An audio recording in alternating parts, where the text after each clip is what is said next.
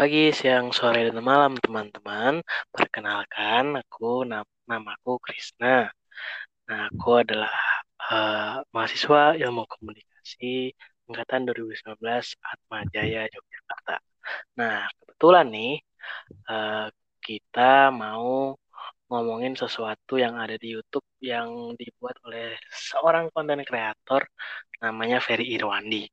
Nah, dia beberapa hari yang lalu membuat sebuah konten yang judul, judulnya adalah Sudut Mati Komedi. Nah, di situ kebetulan uh, di, dia ngomongin tentang kom komedi dan seluk-beluknya di situ. Di situ juga ada beberapa tokoh-tokoh atau konten kreator lain yang udah lama banget nih di, di, di dunia YouTube menggunakan format kelucuannya sebagai uh, kontennya mereka. Ada Kak Viko, ada Dani Beler, ada Rahmat Ababil, Chandra Liao, Cia Nicholas, terus ada Faiz Sadat di kontennya channel Me apa Me IC, terus ada Brian Furan juga. Nah, kebetulan juga uh, buat ngomongin konten ini aku nggak sendiri nih ditemenin sama Agatha. Coba Agatha perkenalin diri dulu dari mana nih? Uh, ya, Halo, dari mana? namaku Agatha. Uh, sekarang kuliah di Universitas Sumatera Utara, Fakultas Psikologi. Sekarang aku masih domisili di Batam. Hmm, gitu angkatan 2020 ya, Dek? Kak, masih angkatan 2020. Ya, nih masih adik-adik ya. Belum belum merasakan kuliah apa offline tatap muka kan dari pertama kamu itu. Iya, ya kan? online, masih online. Emang kasihan banget nih angkatan corona-corona ini. Nah, kebetulan kan Agatha nih dari ilmu dari psikolog uh, mahasiswa eh mahasiswi psikologi gitu ya kita mau nanya-nanya nih tentang uh, konten YouTube-nya Ferry Irwandi ini yang tadi aku ngomongin uh, kebetulan sudut mati komedi ini kalau yang tahu uh, sudut mati komedi ini isinya tentang yang tadi uh, ngomongin komedi dan seluk beluknya mulai dari uh, apa respon positif dari uh, menjadi seorang komik komika lalu juga nanti kita masuk ke gimana sih komedi itu ternyata bisa membawa ke uh, depresi loh teman-teman. Nah oke okay. kita mulai aja ya kita tanya-tanya nih. Nah jadi uh, ngomongin soal komedi nih nggak tak uh, uh, menjadi seorang komedian itu uh, kalau misalnya mendapat respon positif dari penonton tuh uh, itu katanya sih bisa melepas melepas yang namanya hormon dopamin. Nah, tapi uh, untuk me mencapai itu semua biar uh, apa namanya uh, si penontonnya itu bisa mengerti kita tuh sebagai seorang komika atau komedian itu tuh punya uh, bahan-bahannya sendiri ternyata atau ada setupnya itu tuh terdiri dari premis, ada half punch ya, ada punch lainnya dan juga ada timing serta ritmenya. Nah ngomong-ngomong soal dopamin nih, uh, sebenarnya kenapa sih kita perlu ngelepas dopamin dan apa yang merangsang kita buat ngelepas dopamin ini sih tak? Menurut kamu sebagai mahasiswa psikologi tuh kenapa gitu? Oke, aku jawab. Ya. Jadi eh, dari yang aku tahu dari pelajaran yang udah aku pelajarin ya hormon dopamin itu kan merupakan eh, atau dibilang dengan hormon bahagia. Jadi hormon dopamin ini yang buat kita itu ngerasain hal-hal yang hal-hal yang buat kita senang, hal yang hal-hal yang buat kita bahagia. Misalnya kayak kita dapat hadiah, kita dapat surprise, kita jatuh cinta, itu tuh hormon yang lepas itu hormon dopamin gitu. Kalau yang aku tahu sih hormon dopamin kayak gitu. Nah, jadi kalau misalnya kita dapat lelucon, dapat uh, denger hal-hal yang lucu kan itu membuat kita jadi bahagia ya. Nah, jadi uh, otak kita itu melepaskan hormon dopamin kayak gitu. Agatha pernah ngelepasin hormon dopamin dalam bentuk apa nih biasanya? Kalau misalnya dapat apa gitu, biasanya Agatha dapat apa nih biar bisa ngelepas itu? Dapet. Pernah dapat kado kah? Atau pernah jatuh cinta nih? Ya, dapat kado, dapat hal-hal sederhana aja bisa sih. Misalnya kita dapat pujian, kita dapat uh, motivasi, dapat uh, misalnya kita lagi bad mood, terus tiba-tiba ada yang ngomong misalnya semangat, gimana gitu, gitu. Hal-hal sederhana kayak gitu bisa ngelepas sederhana gitu ya. Kalau aku sih, iya. Eh receh juga gitu kan, yang jokes-jokes receh gitu, agak suka kan tuh. Ya, bisa kita lihat meme-meme kayak gitu lucu bisa ngelepas hormon dopamin. Ya, kayak nggak apa nanya-nanya hal-hal yang receh juga lucu-lucu gitu kan ya. Betul, betul. Kayak nanyain apa kapan potong rambut gitu ya. Iya, itu salah satunya. Lucu sih itu. Iya, nah sebenarnya nih kalau kita kalau kita mau tahu nih teman-teman, uh, komedi itu biasanya muncul dari keresahan atau candaan di tongkrongan-tongkrongan kita. Ataupun itu tuh komedi itu biasanya dari celetukan-celetukan biasa aja kayak tadi kayak aku sama Agatha tadi ya. Terus uh, di video tersebut nih uh, ada konten creator namanya Chandra Liao itu dia dulu membuat namanya visual komedi uh, kalau Agatha sendiri tuh lebih tertarik sama apa komedi yang dalam bentuk kata-kata atau tertarik sama yang visual komedi itu dipertontonkan gitu dengan act out act out atau si apa gaya gaya orangnya jadi tambah lucu atau Agatha suka dua-duanya? Uh, suka dua-duanya sih tapi mungkin lebih suka yang visual yang gerak kayak gitu. Kenapa lebih karena lebih dapat aja gitu loh filmnya lebih dapat kontennya gitu. Itu bisa dipengaruhi sama dari dalam kepala sendiri. Jadi uh, yang visual. Kan ada orang yang visual banget nih. Ada orang yang uh, apa ya kata-kata itu udah mencerna dengan baik. Hmm.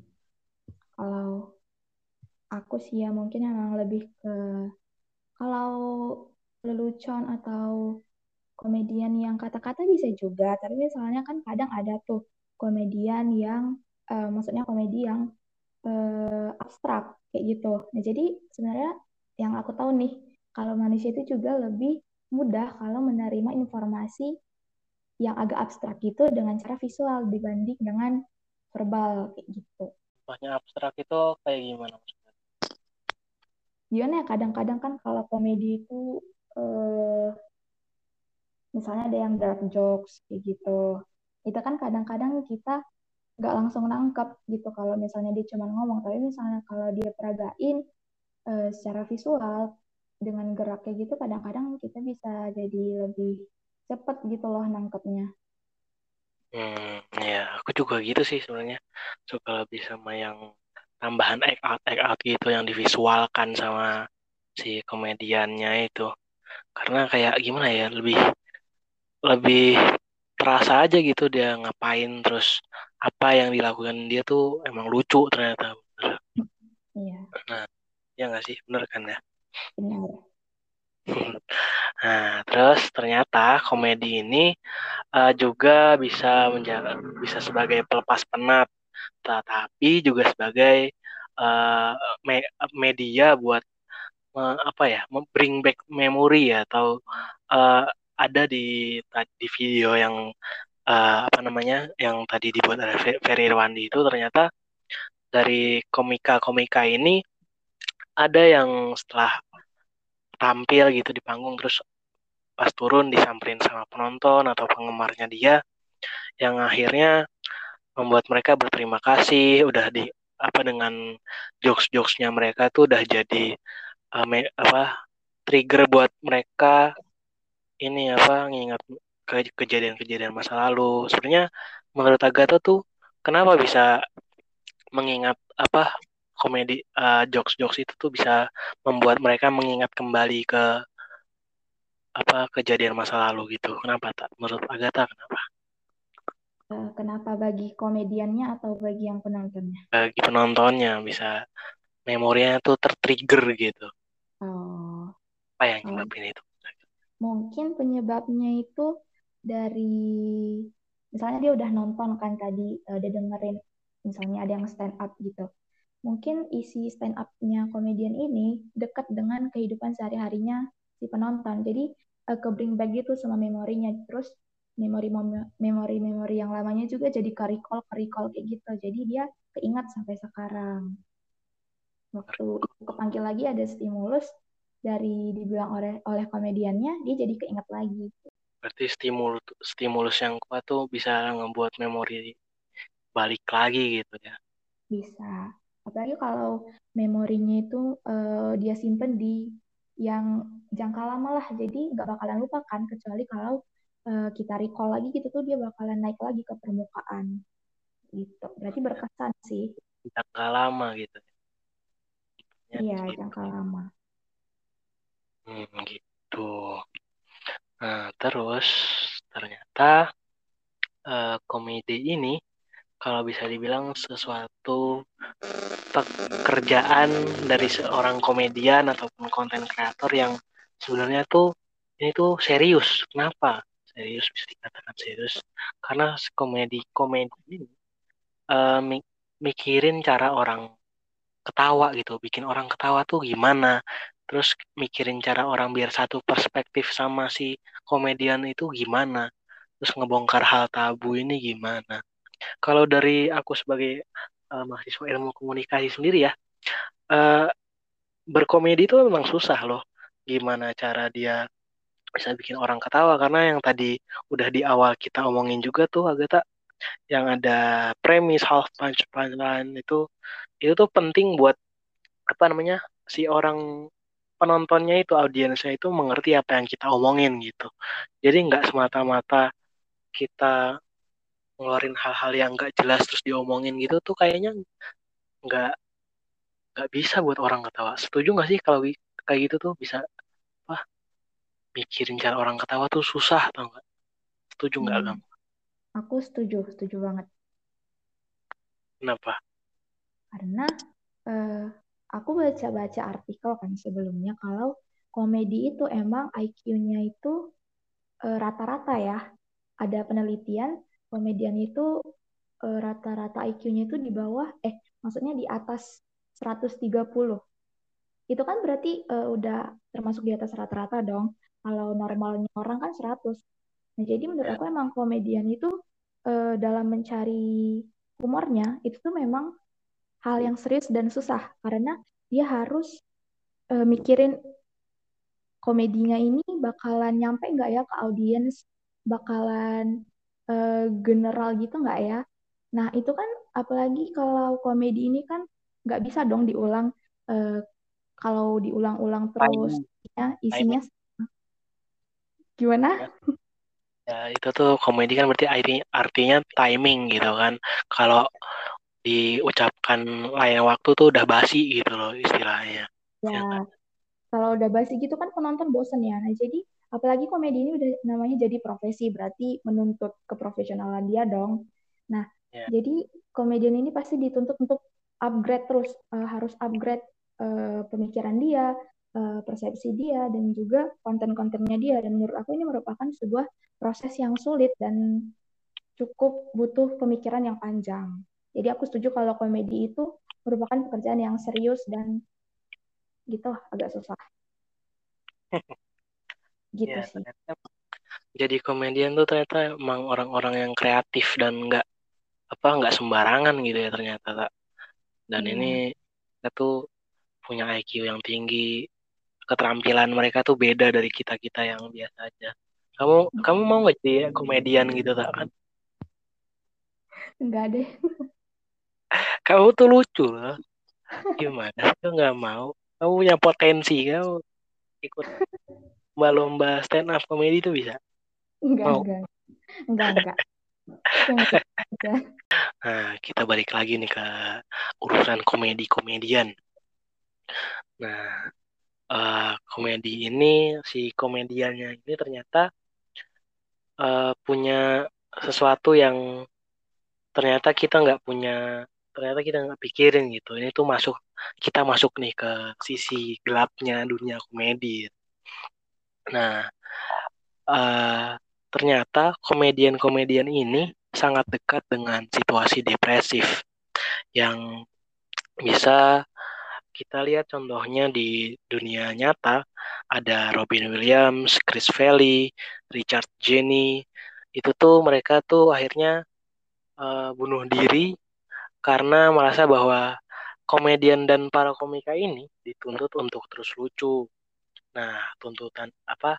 Tuntutan terus menjadi lucu ini kadang membuat mereka-mereka ini sangat dekat ke situasi depresi karena nggak bisa ngeluarin emosi lain selain harus ngelucu. Menurut kamu nih, ap apakah emang kalau kita nggak bisa ngeluarin nggak bisa ngeluarin emosi kita dan nggak tahu ke mana harus nyalurin ini, uh, itu tuh bakal menjurus ke situ tak? ke depresi itu? Menurut uh, kamu tuh gimana? apakah kalau kita nggak bisa ngeluarin emosi kita bakal menjurus ke depresi gitu? Iya. Bisa Sedih sih. Loh. Bisa sih. Kenapa? Karena, kan, karena dia kan pasti nggak bisa mengekspresikan emosinya yang benar-benar gitu.